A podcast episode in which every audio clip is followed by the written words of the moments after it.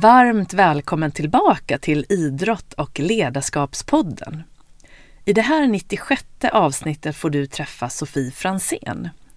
Sofie är VD för Eventyr Nineyard som är Nordens största eventbyrå och har i många år varit en förebild för mig när det gäller just ledarskap. Hon leder verkligen med hjärta och hjärna i en perfekt balans. Och i det här avsnittet kommer du få reda på hennes framgångsfaktorer för just ledarskap. Hon kommer också dela med sig av utmaningar hon har stött på, hur du kan göra för att skapa motivation hos dina anställda och vikten av tydliga målbilder pratar vi mycket om. Vi kommer också in på det här med balans mellan jobb och familj eller jobb och privatliv. Och mycket mer. Så jag hoppas att du har satt dig till rätta eller går någonstans i någon härlig miljö och tar några djupa andetag och så önskar jag dig en riktigt trevlig lyssning. Nu kör vi!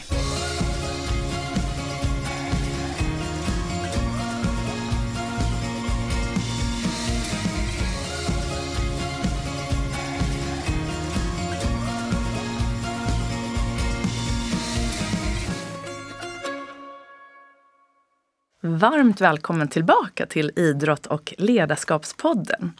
Idag är jag mycket glad att få presentera min nästa gäst för dig, nämligen Sofie Fransén. Sofie är grundare och VD till eventbyrån Eventyr som har varit en av Sveriges ledande eventbyråer i många år. Och sedan 2020 har de slagits ihop med först då finska Tapaus Group och sedan 2021 med Nine Yards så idag klassas då Eventer Nineyard som Nordens ledande eventbyrå. Utöver sitt arbete på Eventyr, Nine Yards, är Sofie engagerad i en rad styrelser, i mentorskap och i engagemang för att hjälpa unga entreprenörer. Hon anlitas även som föreläsare i ledarskap, att bygga företagskultur samt entreprenörskap. Sofie har två barn och bor i Stockholm och i Åre.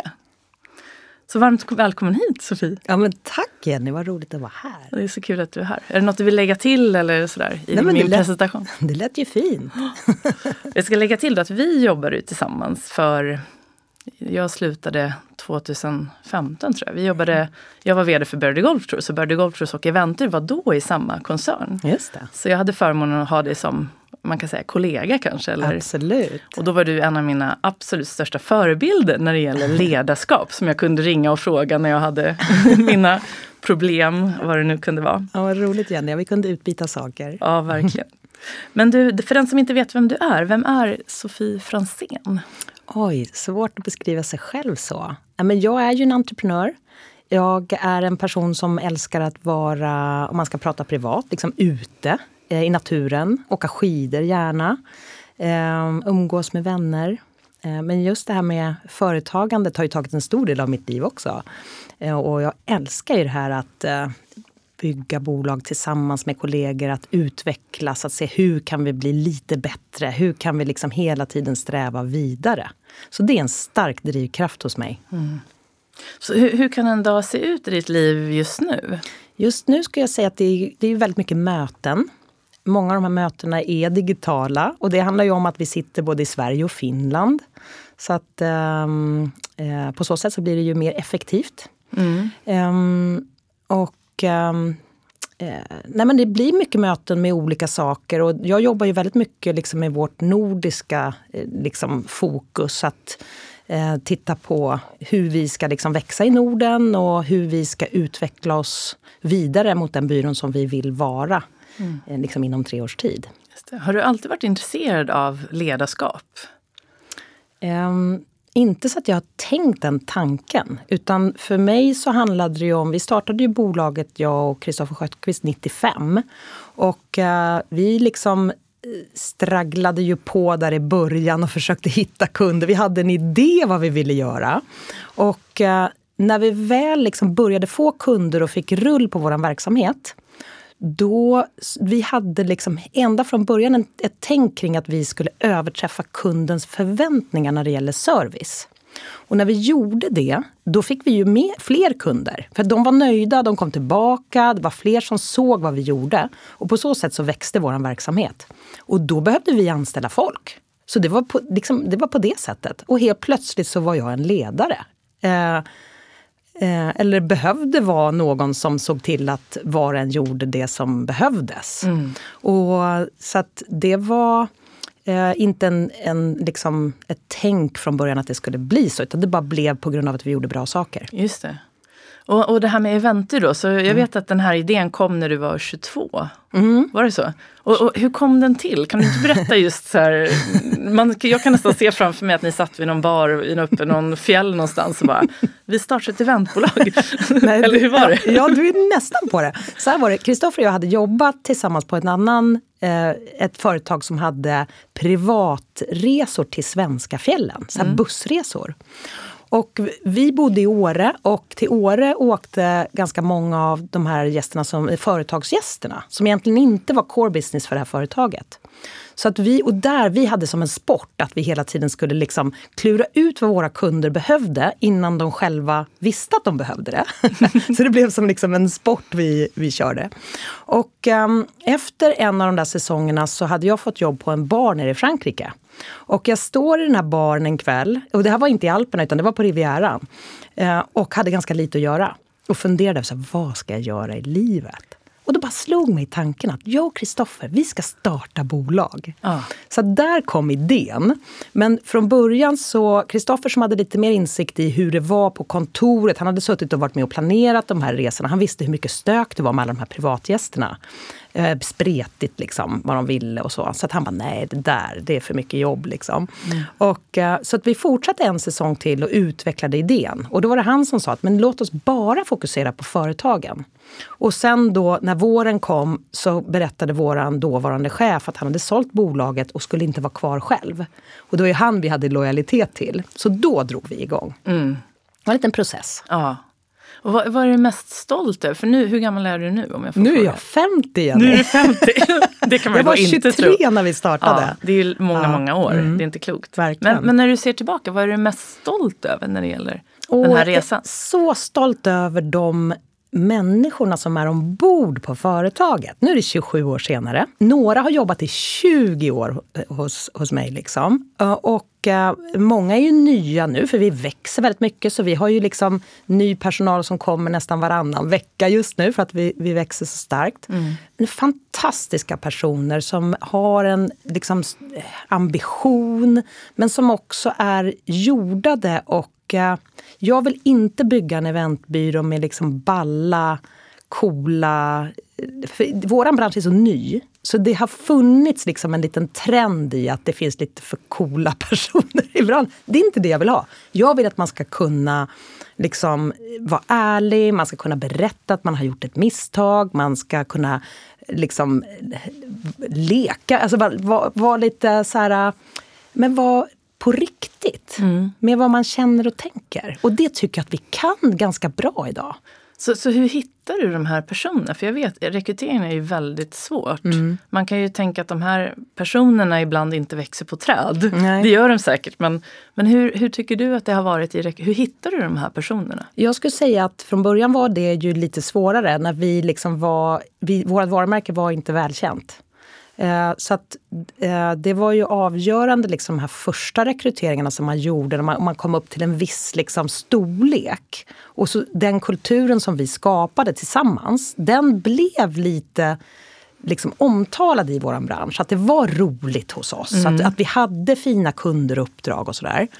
Eh, och då upplever jag att det har blivit lättare och lättare. Just nu har vi ju ett... Vårt varumärke är ju väldigt känt i vår bransch. Och det är ju i vår bransch som vi framförallt rekryterar. Och då är det ju lättare. Mm, När man ser att vi gör bra saker och vi blir omnämnda på olika sätt, då är det ju lättare. Sen är det klart att det är ju väldigt många också som söker till oss. Och där är det ju viktigt att titta på varför vill man jobba med det här? Vissa tror ju så här, men det är så roligt och så. Nej men det är ju jättehårt jobb och det är inte alls roligt varje dag. Nej. Så att um, Vi har en väldigt diger liksom, rekryteringsprocess där vi gör tester och det är många som träffar kandidaterna och sådär. Ja just det, precis. Det är inte bara, utan ni har flera från ja. bolag. Ja. Brukar du alltid vara med och träffa också? Ja, innan ja. du anställer? Ja, fram till för ett år sedan var det så. Men nu, är det, nu har, hinner jag inte riktigt det. Men eh, jag är alltid med på något sätt. Liksom.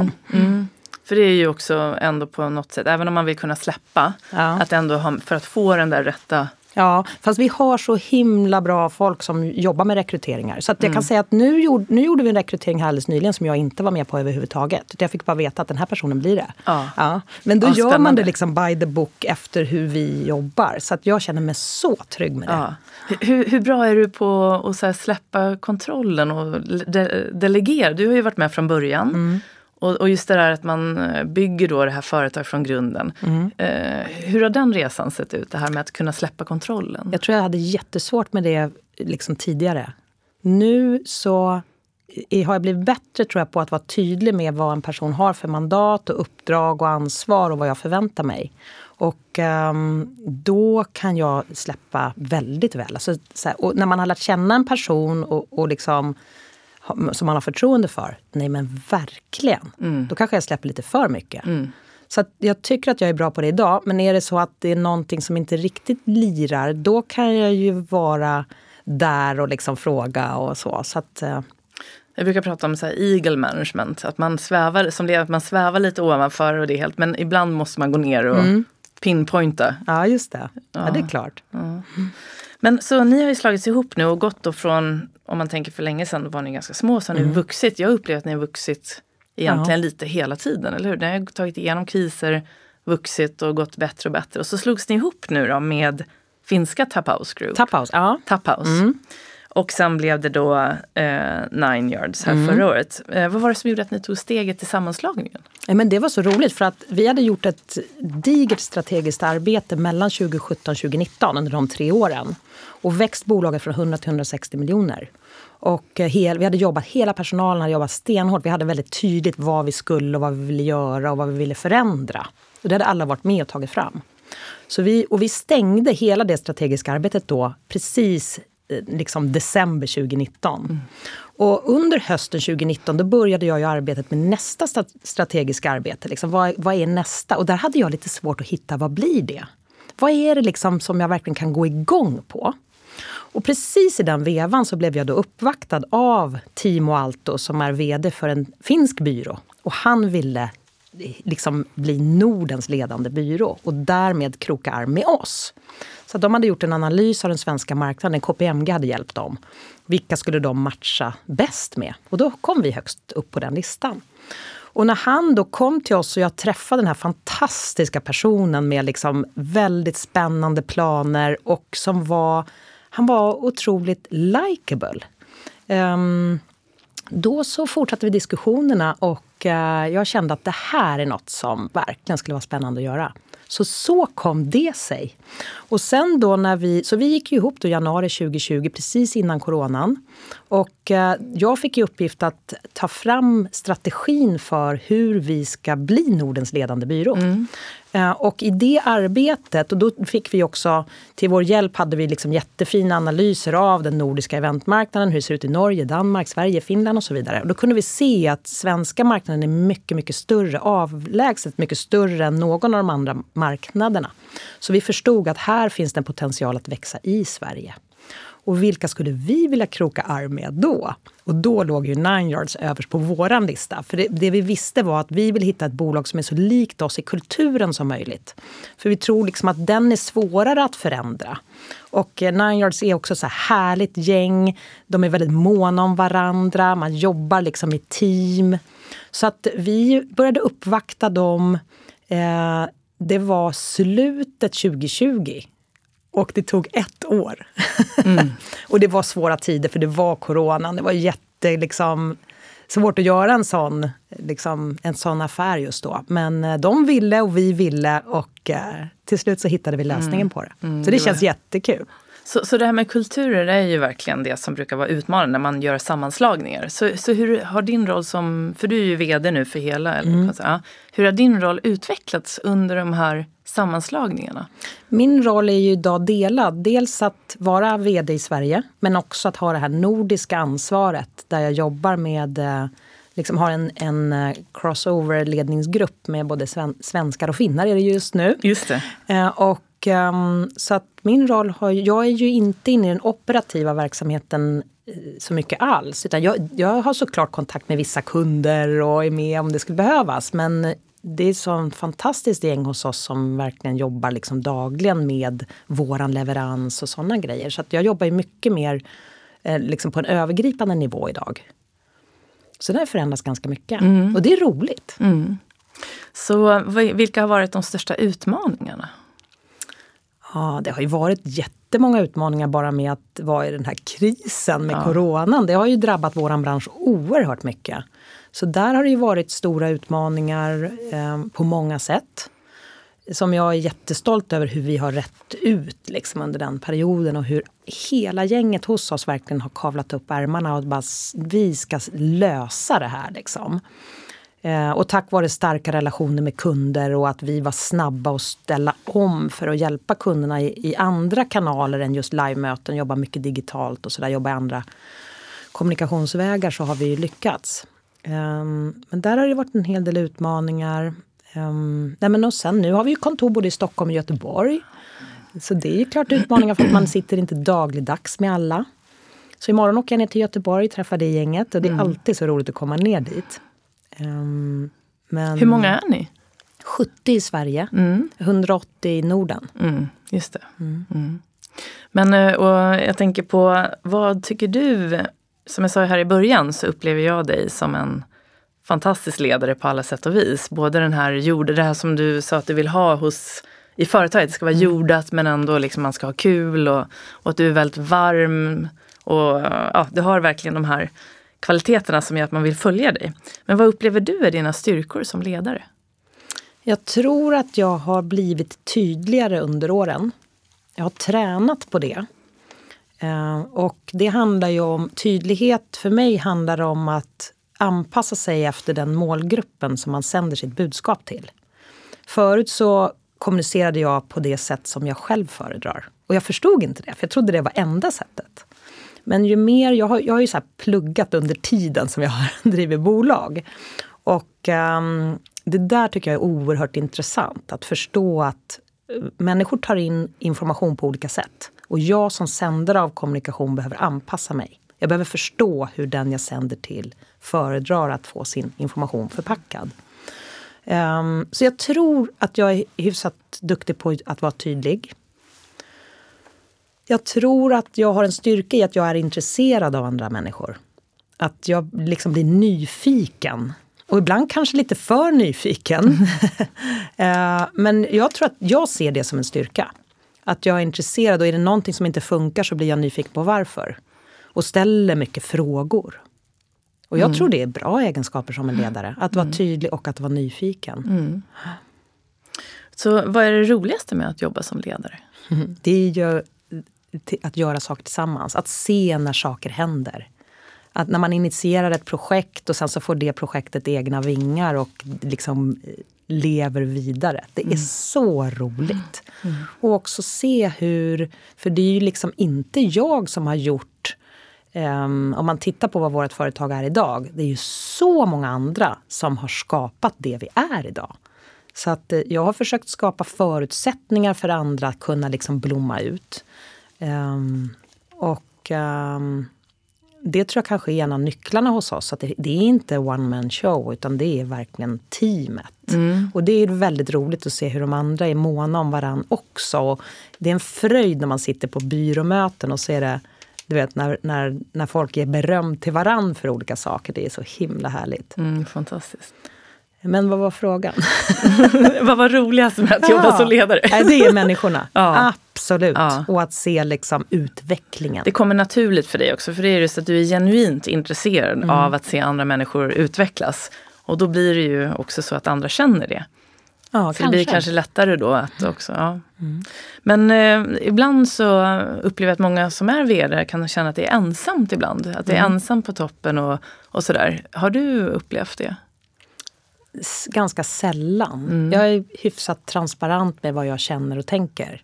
Och det delar jag ju med mina medarbetare. Mm. Så att um, eh, nej, jag har inte i alla fall inte nu jag, känner jag inte det. Nej. Kanske under vissa perioder, men jag har ju varit i det här bolaget så länge. Och det har varit perioder när jag kanske inte har haft samma nyckelpersoner runt mig. Då kanske det har varit ensamt, speciellt i vissa frågor. Mm. Absolut. Har du någon mentor, coach? Ja, två stycken. Ja, har du haft det? Liksom, när, när började du ha det? Um, det var nog kanske när du startade den här podden ungefär, 2016 ja, någonstans. Ja. ja. Den ena träffade jag 2016 och frågade om han ville bli min mentor. För jag letade efter en ung mentor.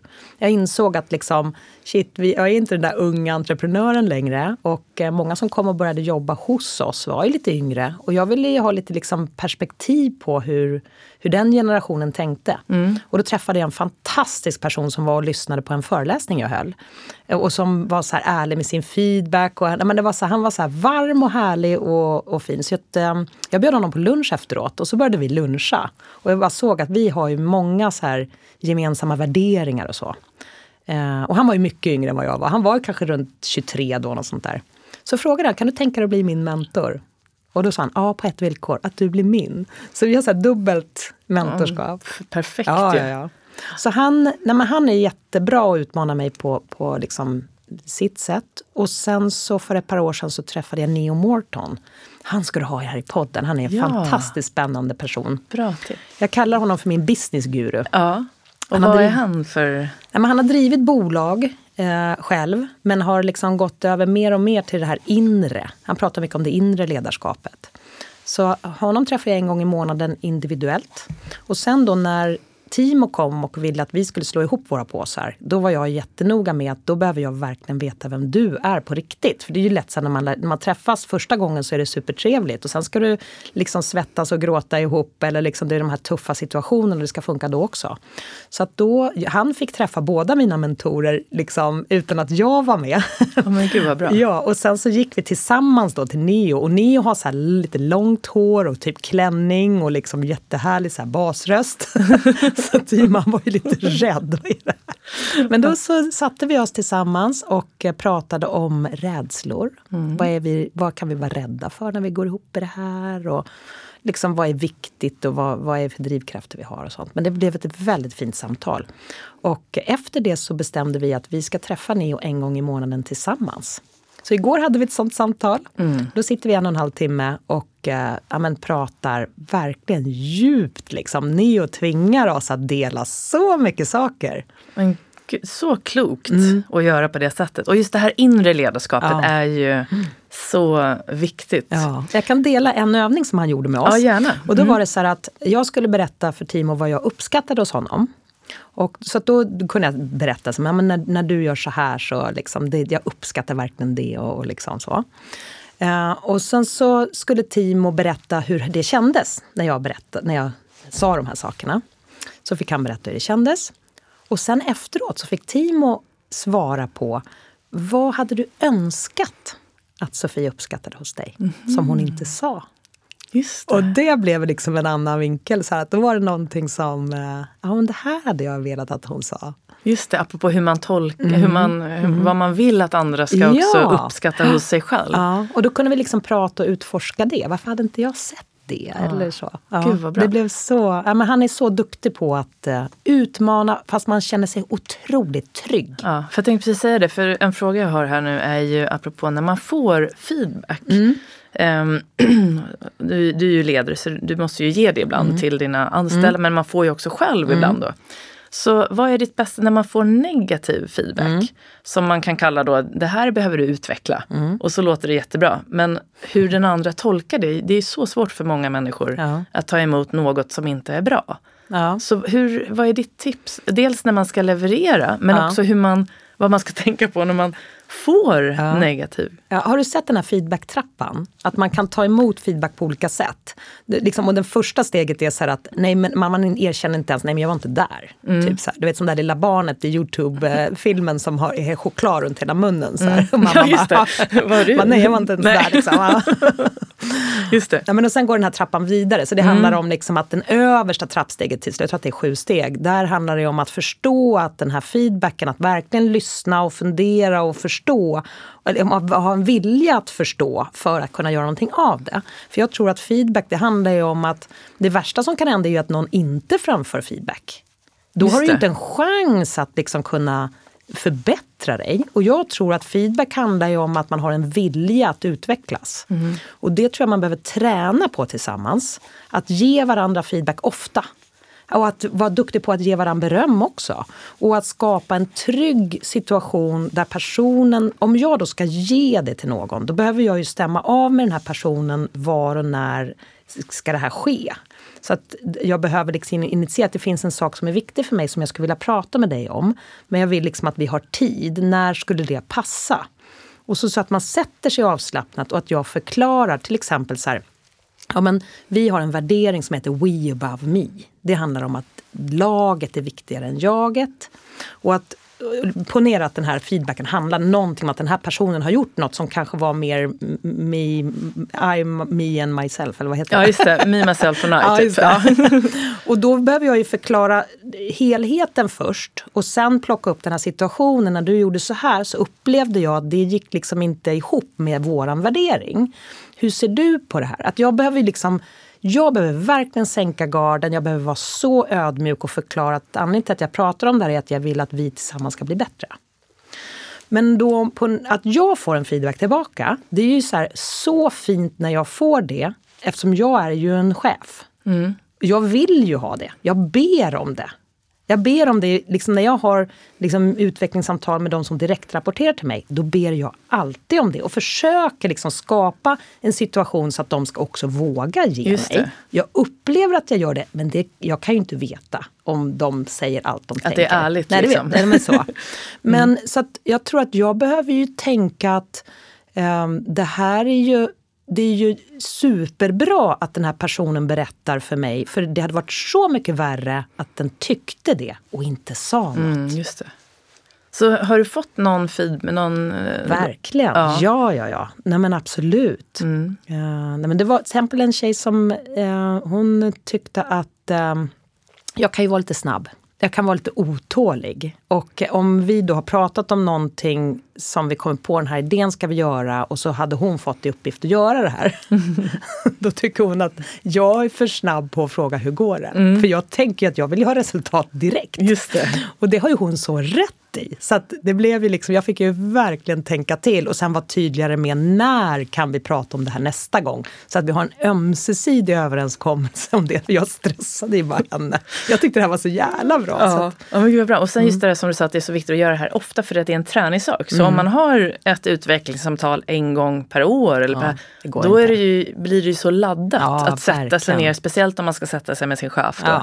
Och nu liksom, mm. så, så att, att, göra det ofta ja, borde en väldigt fin och sen att det är en träningssak. Då. Ja, och att tänka varför gör vi det? Mm. Det är ju för att vi ska bli bättre. Mm, precis. Och apropå det här, ett gemensamt mål. Ni har ju det här We above Ja, det är en av våra värderingar. Ja, men exakt. Så det är jätteviktigt. Och mm. Jag tror att ehm, just det här att medarbetarna har ett gemensamt mål mm. också att jobba mot mm. gör ju att man får den här teamkänslan. Mm. Men vilken är den viktigaste faktorn tror du? För att få personalen eller medarbetarna att känna att de jobbar mot det här gemensamma målet? Jag tror man behöver förklara. Som Eh, nu till exempel, vårt mål nu är ju att bli Nordens ledande byrå. Det är jättefint att du säger att vi är det. Storleksmässigt är vi nog det.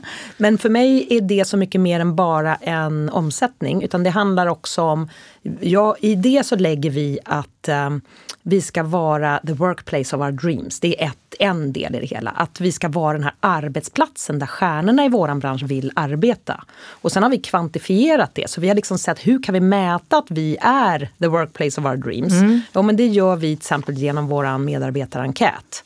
Och där vi liksom har vissa parametrar som är väldigt hög, vi har väldigt hög ambition på det. Men det är liksom ett exempel. Mm. Eh, det handlar om, vi vill vara the industry leader och i det lägger vi hur andra ser på oss. Vad skrivs om oss? Hur stor räckvidd har vi i våra sociala kanaler? Vilka personer är det som söker jobb till oss? Vilka förfrågningar kommer till oss liksom, utan att vi kanske har ringt upp kunden? På så sätt så kan vi mäta om vi tycker att vi är the industry leader. Eh, och eh, vi vill skapa momentum för våra kunder och det handlar om hur kan vi påvisa effekten av det vi gör. Eh, mätbarheten kring det och hur kan vi bli ännu bättre på att analysera kunden och förstå varför kunden vill köpa det här. Och den fjärde delen det handlar om hållbarheten. Vi vill vara the trailblazer in sustainability som vi pratar om. Mm. Att vi vill, vi vill liksom gå före och vara bjussiga med det vi lär oss så att fler kan följa efter.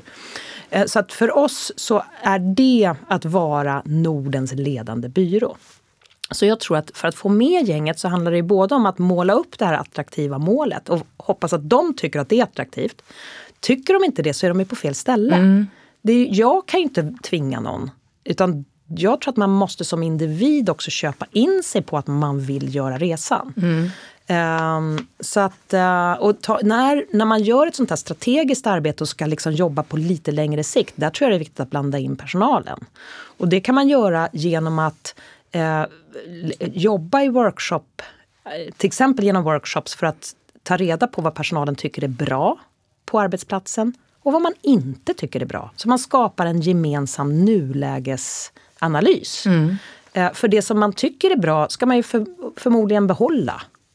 Och det man inte tycker är bra, det behöver man ju på något sätt förändra. Och sen att man klustrar det här i till exempel eh, det kan vara allt från system till kundportfölj, till erbjudande, till arbetsplatser, alltså kontoret. Man kan göra ett antal olika områden och så analyserar man varje sånt. Och då ska man som chef inte vara med utan man ska eh, liksom antingen ha någon annan som håller i det eller göra det i ett format där personalen i grupper eh, liksom gör det här så att man får materialet. Mm. Det går att göra ganska enkelt. Men det tycker jag är superbra. Och sen behöver man ju jämföra det här nuläget mot vad man då har tänkt som ambition att sätta. Och så jobba tillsammans kring det. Mm. Så vad är den vanligaste anledningen att man inte når... Nu tänker det här är ju då mer värderingar, ni har ju långsiktiga mål, mm. så har man då lite kortsiktigare. Mm, mm. Så, men vad är den vanligaste anledningen att man, om man nu inte skulle nå sina mål, vad tror du är den vanligaste anledningen att man inte gör det? Ja, men vi nådde ju inte alls våra mål 2020. alltså om man tittar på målen vad vi skulle nå säljmässigt. Mm. Därför det hela marknaden följer. Mm. Och då fick vi ju ganska snabbt rita om den kartan. Det var ju om, en omvärldsfaktor som gjorde att vi inte, inte klarade det. Mm. Uh, men jag tror ju att man kanske inte tittar på och följer upp tillräckligt ofta. Att man mäter, liksom har kvantitativt så att man kan titta på hur ligger vi till så att man då har möjlighet att justera. Precis, för det där upplever jag när, du, när vi jobbade där tillsammans, så att du var ju väldigt bra på just att hela tiden kunna mäta och följa upp. Mm. Och det kommer att jag tyckte ibland var lite svårt, för ja. jag visste inte riktigt, jag kanske inte hade dels de administrativa verktygen men också den här eh, intresset också Nej. av eh, att vara noggrann och analytisk ja. och liksom mätbara. Samtidigt som man har den här visuella, eh, du vet det här långsiktiga mm. tänket. Så tror, är det en, någonting som du väldigt liksom, tycker är kul? Ja, att jag, mäta och... Jag tror så här att vissa pratar om att det moderna ledarskapet handlar mer om um, liksom, att skapa en trygg arbetsplats så folk liksom jobbar bra och så. Jag är verkligen för det. Jag tycker inte det är i kontrast till att mäta. Nej. Därför jag tror att mätbarheten är superviktig. Eh, och det handlar om så här, som ledare så behöver man kunna vara tydlig med att måla upp vart, vart vi ska. Sen behöver man också ha koll på hur det går. Mm. Därför att om jag inte mm. mäter, då vet jag inte hur det går. Jag kan till exempel ta, jag hade en eh, tjej som eh, på vår säljavdelning, vi har bara tjejer där så jag kan liksom säga det utan att hänga ut någon. som hade så mycket att göra. Det var liksom hur mycket som helst liksom på hennes skrivbord. Det var massor av liksom grejer på gång. Så jag tillsatte två andra personer att hjälpa henne för det var ju jättespännande grejer på gång där. Så det var två personer som klev in och hjälp, hjälpte till.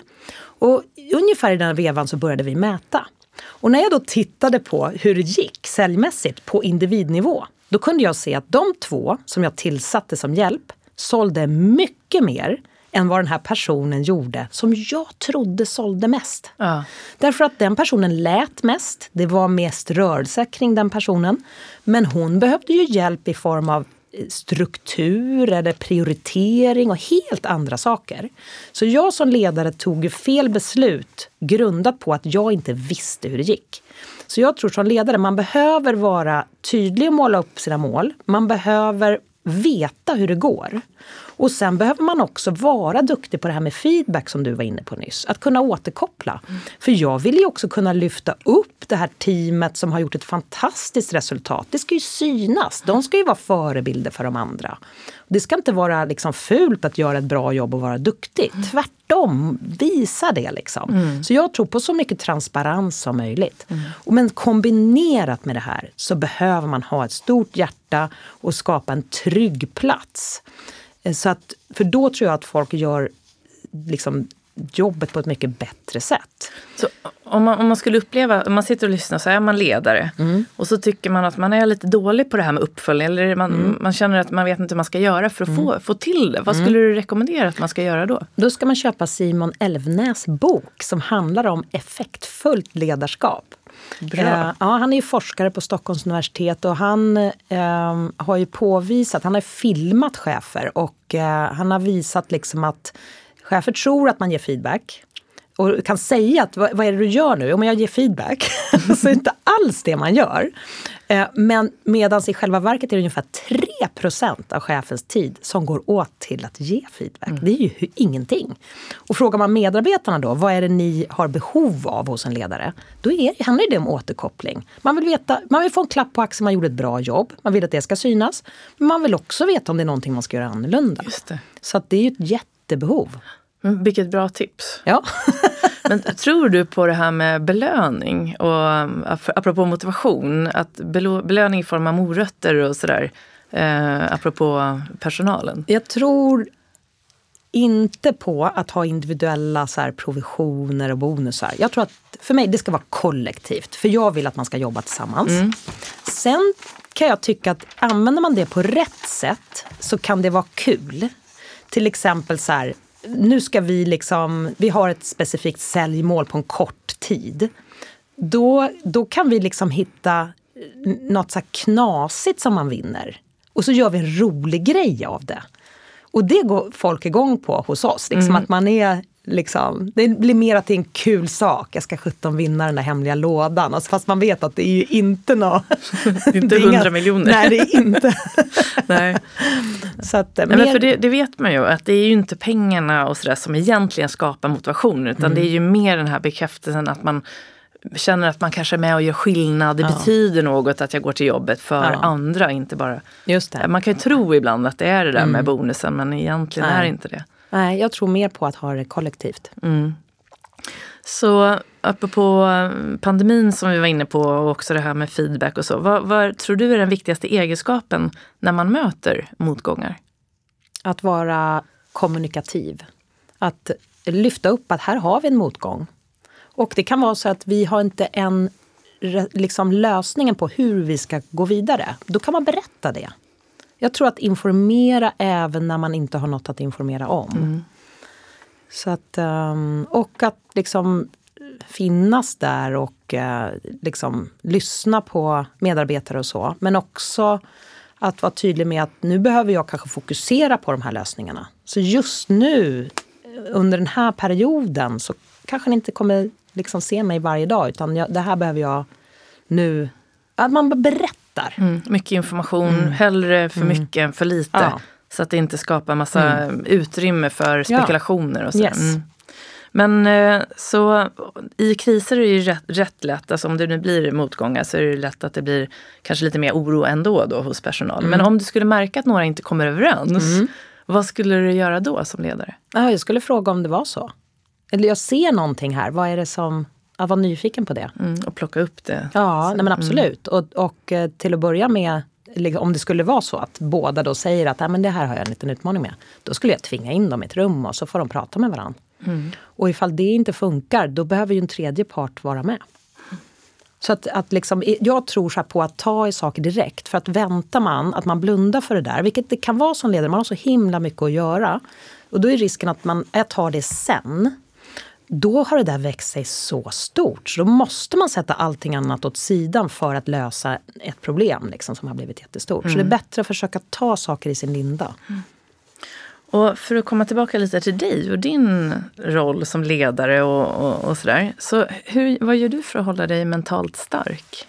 Jag mediterar varje morgon. Jag kör så här transcendental meditation. Du vet, det tror jag, om jag inte minns helt fel, att du började någonstans där när jag fortfarande, när jag, när jag jobbade på Verdi. Mm. Att du berättade att ni gick ner på jobbet, så gick ni ner på andra någon våning mm. och gjorde den här. Ja, jag får inte med hela personalen på det. Det är någon, någon som är med. Liksom. Ja.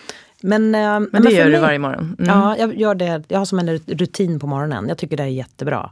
Jag skulle vilja meditera en kort stund varje eftermiddag också. Mm.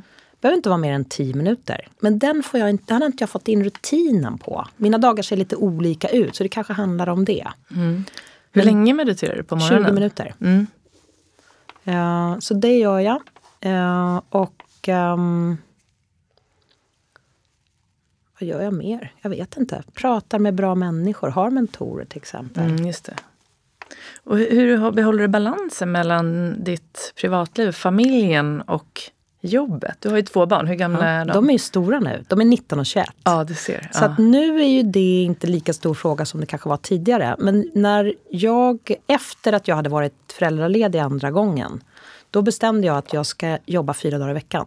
Och det fortsatte jag med ända fram tills vi gick ihop nu med Tappaus.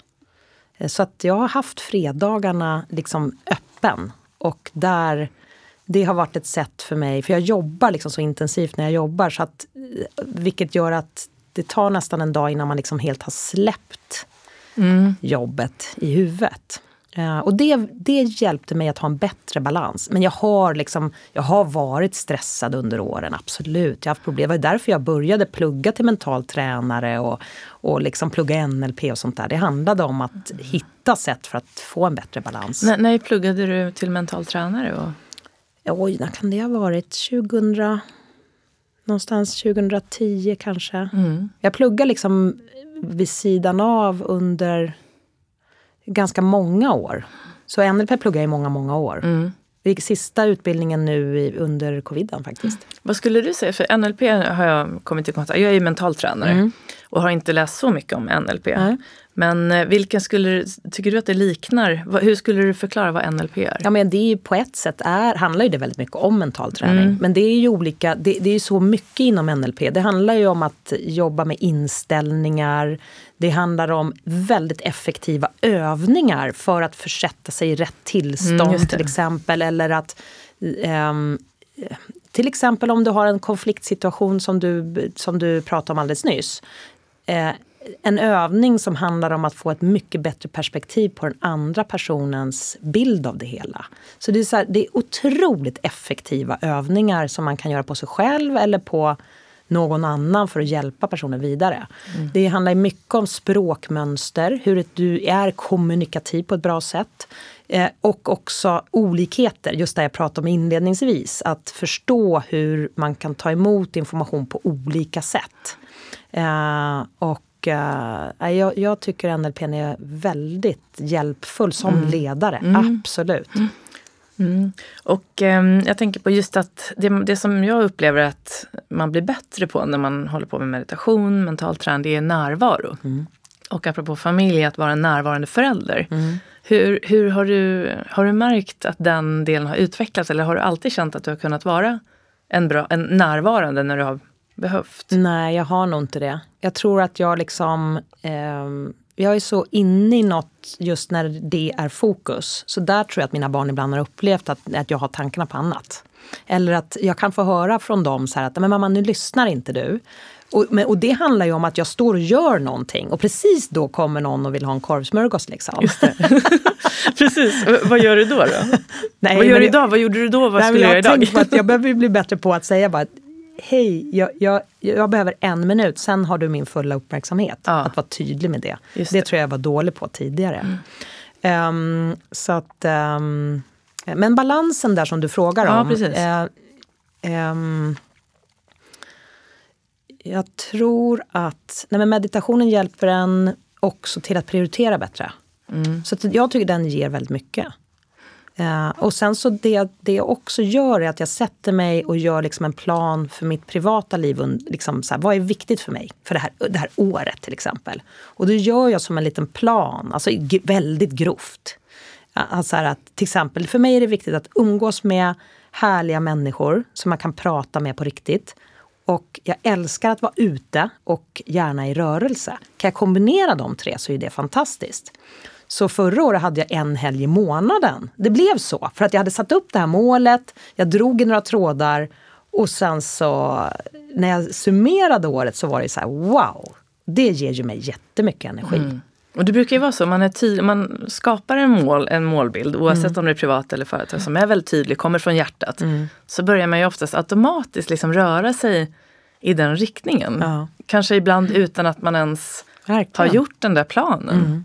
Men är du lika bra på Tycker du att det är, alltså jag tänker på det här att du är bra på att följa upp och mäta och så på jobbet mm. så kanske man inte gör exakt på samma sätt mm. hemma. Mm. Men när du sätter upp, är du bra på att följa upp sådär ja. så att du följer det så att du till exempel lägger ner tid till din egen återhämtning. Och, ja, mm. jag försöker följa det. Mm. Och, och liksom just det här att lägga lite tid på reflektion varje vecka. Kring liksom vad, är det, vad är det som är viktigt för mig. Vad, vad, tror du om någon har svårt att lägga in? För jag jobbar ju med väldigt många ledare mm. som är väldigt stressade. Mm. Och då får de ju väldigt svårt, ju mer stressade man blir desto mindre tid känns det som att de vill lägga ner på det här som de verkligen behöver. Ja. Och planering kan ju vara väldigt viktig men mm. om de inte får till det riktigt, vad skulle vara ett bra tips till någon som är stressad och som inte riktigt får in den här viktiga återhämtningen? Ja, det blir ju svårt för att till slut så kommer du bli tvungen att återhämta dig på heltid ja. om det fortsätter så. Och den kanske man behöver vara tydlig med för den personen att det här är det som konsekvensen av det sättet du är, agerar på nu kommer bli att du kommer inte kunna göra någonting annat än att återhämta dig och det kommer inte bli bra. Så, um, men, så att jag tror att just det här med att reflektera då, mm. att få in en, en i kalendern, en, säg 20 minuter varje fredag till att reflektera över veckan och utifrån vad är det nu som jag har sagt som är viktigt eller om man ska göra en förändring. Då behöver man reflektera just kring den. Hur, hur tycker jag att det har funkat? Man kanske ska betygsätta sig själv lite för att hitta någon, om man tycker det är roligt. Mm. Mm. Uh, så att det blir lite som en uh, morot för att faktiskt åstadkomma den där förändringen. Mm. Innan det också blir, går för långt. Mm. För går det för långt så är det som att det inte riktigt mm. funkar. Mm. Då kanske man ibland måste gå in i väggen. Ja. För att sen då, men det är ju bra om man kan hejda sig innan. Verkligen, och jag tror så att eh, man tittar man på vad man faktiskt lägger sin tid på så är frågan, är, är jag effektfull nu? Gör jag det här på ett sätt så Alltså skulle jag kunna göra det på ett annat sätt? Och har jag rätt sak på mitt bord? Man behöver ju faktiskt ta sig lite tid och fundera över vad är det vi ska och vad är det som ligger på mitt bord? Och varför, varför är det då... För är det så att jag har för många saker att göra och så har jag för hög ambition också. Så var det för mig tidigare, när jag blev ledare. Jag hade liksom alldeles för många saker på mitt bord. För vi hade inte hittat någon struktur för vem som skulle göra vad. Utan helt plötsligt så gick vi från fyra till åtta anställda i samma slag. Eh, och eh, jag hade väldigt hög ambition på att jag skulle vara liksom superduktig på alla de sakerna jag gjorde. Det gick ju inte ihop. Alltså, rent om man drar ut det matematiskt. Så den tiden som det tog funkade ju inte. Så att jag behövde ju tänka annorlunda. Mm. Mm, och stanna upp och vässa sågen. Ja. Du vet den här eh, historien om två skogsarbetare, en som står och ska såga ner ett träd. Ja. Han sågar och sågar och sågar. Så kommer en annan person förbi och bara, men varför vässar du inte sågen? Han bara, nej men jag har inte tid. så att, att, men just att våga, man kan mm. säga att det nästan är att våga stanna upp och förstå att det inte är mängden tid, eh, den där, utan att det är effekten. Nej, effekten, precis. Mm, effekten. Ja. Och då kanske man behöver hjälp. Så det är mm. jättebra då att man använder dig där och att liksom verkligen... Mm. Ja men precis, och jag tror att det är ju något som jag upplever är en gemensam nämnare bland många ledare och även att man, att man har en person eller två som man kan prata med, mm. som är utanför, som är en mm. coach eller mm. kanske mental tränare eller terapeut eller någonting som kan hjälpa till att sortera när det blir rörigt. Just det. Så vad händer, vi pratade, du pratade lite om rädsla. Din, apropå coach, att han hade pratat om vad är det som ni är rädda för, ja. apropå den här sammanslagningen. Mm. Mm. Men vad är det som, man brukar också säga att rädsla hämmar ju väldigt mycket om, det, Mm. om du går och är rädd eller orolig och sådär. Finns det något som du är rädd för? Ja, jag är rädd för en skittöntig sak. Vad är det då? Åka hiss. Är det sant? Ja. Har det alltid varit? Nej, eh, nej, men det var så här, jag jobbade som brevbärare. Vi hade ju inte råd att ta ut lön första åren som entreprenörer. Så jag Nej. jobbade som brevbärare. Och sen så var, det- var jag på väg upp i ett gårdshus på Rörstrandsgatan och så stannade hissen. Och jag hann bli rädd. Att liksom, du vet, ett gårdshus mitt på förmiddagen en vardag. Hur många timmar kommer jag behöva sitta här? Som tur var så var det någon hemma så, och jag, hissen gick igång så jag kom ut. Men jag hann bli rädd.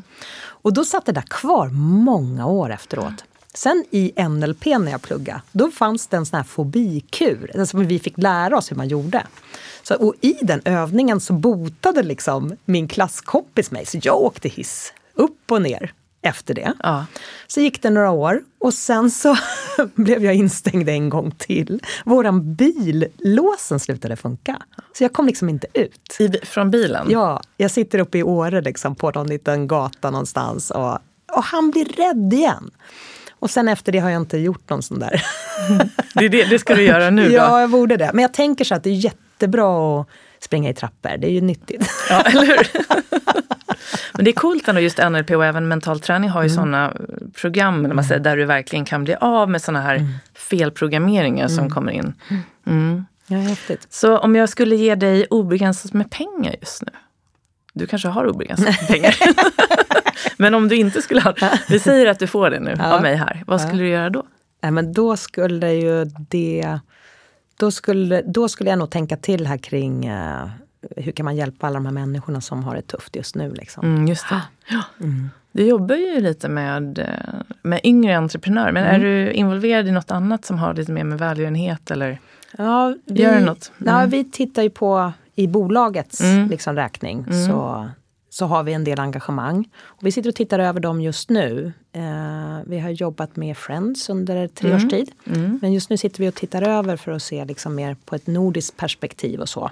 Så att nu har vi ett antal samarbeten bland annat med Regnbågsfonden och Mm. eh, Ajabaja Cancer och sådär. Men Just det är lite det. Mindre, mindre samarbeten så att säga. Då. Mm. Eller nej, det är inte mindre. Vi hjälper dig med sociala medier och gör allt möjligt där för Regnbågsfonden bland annat. Men eh, för mig privat, tidigare så var jag ju mentor och så. Men för mentor. Men det är jag inte just nu. Mm. Utan nu fokuserar jag på att bygga det här bolaget och jag är engagerad också för yngre entreprenörer och sådana Just saker. Då. Just det. Så apropå de som har det tufft och behöver hjälp och sådär, så tänker jag på framtiden. Så hur ser du på framtiden när det gäller utmaningen med klimatet och också våran förmåga av att verkligen börja jobba tillsammans mot ett stort gemensamt mål som är att den här planeten ska må och fungera bra. Mm. Ja, jag, den där är så himla svår just med det politiska klimatet vi har. När politikerna ska bli omvalda och kanske inte vågar göra de obekväma, ta de besluten som man faktiskt skulle behöva göra. Så det där är en jätteutmaning. Sen tycker jag det är väldigt kul att se de här initiativen som finns. B- både med, om man tänker Sverige, med den entreprenörskraften vi har och om man tar hela IT-segmentet där vi är väldigt långt framme på nya uppfinningar som jag tror liksom kommer kunna hjälpa oss. Men din fråga handlar ju om ledarskap gissar jag. Hur ska Ja, få precis. folk att gå åt samma håll? Ja. Jag har inte, hade jag haft svar så hade jag... Då hade jag hängt på och Ja. jobbat med det. Och jobbat med det företaget. Ja, den är jättesvår. Mm. Supersvår. Men har du en hoppfullhet kring framtiden med tanke på dina erfarenheter och det du ser och det du... Jag tycker fler och fler blir intresserade och för oss så, som nu verkligen driver de här hållbarhetsfrågorna så märker vi att kunderna välkomnar det jättemycket. Och, att fler, och det är en stor skillnad bara mot för fem år sedan. Eh, när man tittar på, liksom, vi, vi, för oss är det viktigt att träffas men ha en kund som säger att det, vi behöver verkligen träffas för den sociala hållbarheten. Vi behöver få ihop gruppen. Men vi vill liksom göra det på ett smart sätt. Och då finns det ju bra vägar att gå. Eh, Så att jag tycker att intresset ökar. Så det är hoppfullt. Mm, det är hoppfullt. Så om du nu, jag brukar avsluta podden med att fråga om du nu fick lämna tre saker till den som lyssnar. Och idag har ju varit inriktad på just ledarskap. Eh, och om det sitter någon och verkligen vill bli den här bra ledaren och, och få balansen mellan trygghet och även det här med uppföljning och att kunna mäta och jobba med hjärtat och även den här tydligheten. Vad skulle du säga då? Ja, tre saker. Mm. Ja, men tydlighet. Och det handlar ju om en tydlighet eh, vart vi ska, men också en tydlighet mot sig själv kan jag väl få lägga in då. Så du, du är så snål med bara tre, så får jag liksom baka Ja, in saker. Nej, men att man är tydlig mot sig själv som ledare. Vad är det jag vill som ledare? Vad är min liksom... eh, Så att jag också då kan följa upp, som blir den nästa. Att följa upp sig själv. Och för det kan ju handla om att man har för mycket att göra, för det tror jag är jättevanligt. Och där behöver man va, sätta sig ner och göra en liten plan för det. För att jag tror inte att du blir en bättre ledare genom att ha för mycket att göra. Tvärtom. Du som ledare ska ha tid för dina medarbetare. Och det behöver du se till. Ingen annan kommer skaffa dig den tiden. Så du behöver vara tydlig, utåt och inåt. Behöver följa upp. Eh, Alltså ta reda på hur det går. Och att följa upp. Det kändes lite tråkigt med de tre, men det, då jag tror att de är väldigt, väldigt viktiga. Säg att man skulle göra det. Ja. Det skulle ju bli väldigt stor skillnad. Ja, det tror jag. Så att man kan ju börja med det. Och så får man se vart det leder. Och sen så beröm dig själv och andra. Alltså, tänk om vi alla kan sprida lite mer kärlek. Lite mer liksom positiv push till varandra. Jag tror att det skulle bli så mycket bättre samhälle. Det är en underskattad kraft, Ja. kärlek. Kommer du ihåg att eh, Janne Karlsson var ju med Ja. i styrelsen va, när Just vi det. var på? Ja. Mm. Han hade ju förespr- just love management. Mm. Och mm, han är en bra förebild att, att tänka på, att få in just kärlek. Mm. Jag tycker vi fortfarande pratade för lite om det, även om det kommer mer och mer. Så bra att du poängterade Ja, det. men jag tror att man kan göra det. Det är som en kompis till mig, Charbel Gabro. Han skulle också ha som gäst i podden. Han är fantastisk. Han pratar, en föreläsare pratar integration. Ah. Vunnit så här pris som årets talare och sånt där. Men vi skulle ta en drink i en bar en gång. Och så är det jag och en kille, vi kommer först och sitter och det är en sån sur bartender. Alltså det är så här, man bara, du vet, man känner hur man själv nästan blir lite sur för att... Så vi sitter där och till, så kommer Charbel in efter oss och vinkar till oss, går fram till baren, får lika surt bemötande. Då säger han så här, Hej, vilket fint leende du har. Man kan inte riktigt se det, men man förstår att det finns där under. Varpå Gud, den här tjejen, hon spricker ju upp i världens leende. Så kan man vara lite mer som Charbel, då tror jag liksom att världen blir lite bättre. Ja, gud så bra. Bra, alltså, sist, bra tips. Att, man, att inte låta andras, Nej. vad det nu är som gör att de är, gå, påverka, utan göra tvärtom. Ja. Jättebra. Vad har du för framtidsplaner? Och jag ska ju liksom vara med och bygga det här till Nordens ledande byrå. Så det är liksom min primära fokus. Och parallellt med det så ska jag också ha en balans där jag är ute mycket, åker skidor med mina vänner och med min familj. Gud, bra. Och eh, om man vill läsa mer om er, var, vart, vart kan man följa er någonstans? Jo, men Event följer man ju på alla sociala kanaler. Instagram, Samma namn Facebook. bara? Ja, Event Uniters och LinkedIn. Mm. Så det är bra tips. Mm. Har du något eget Ja, Sofie också. Fransén kan man Ja. följa också. Och, ehm, med Z? Med Z, Mm. precis. Sofie, precis. Sofie Fransén på LinkedIn. Det är väl bra. Och där ligger det också lite andra poddar och artiklar och sånt. Ja, jättebra. Du, är det något du vill lägga till som du känner nu innan vi avslutar? Det var jättekul att få vara här, Jenny. Super. Ja, spännande frågor du ställer. Du är så här, Ja, vad bra. vad roligt att Jättebra. prata. Det var väldigt kul och jag tror att just dina tips, du är ju verkligen en framgångsrik ledare när det gäller både inre och yttre ledarskap. Jag är Så på det- väg, jag är på väg Jenny. Ja, så det är jättebra att bli påmind om det så att Ja. vi inte bara riktar oss till det yttre. Det är så lätt att man hamnar där. Så jättetack för Det att du kom ihop. hit. Ja, det Ja. hänger ihop. Tack. Tack snälla. Lycka till. Ja, tack Jenny.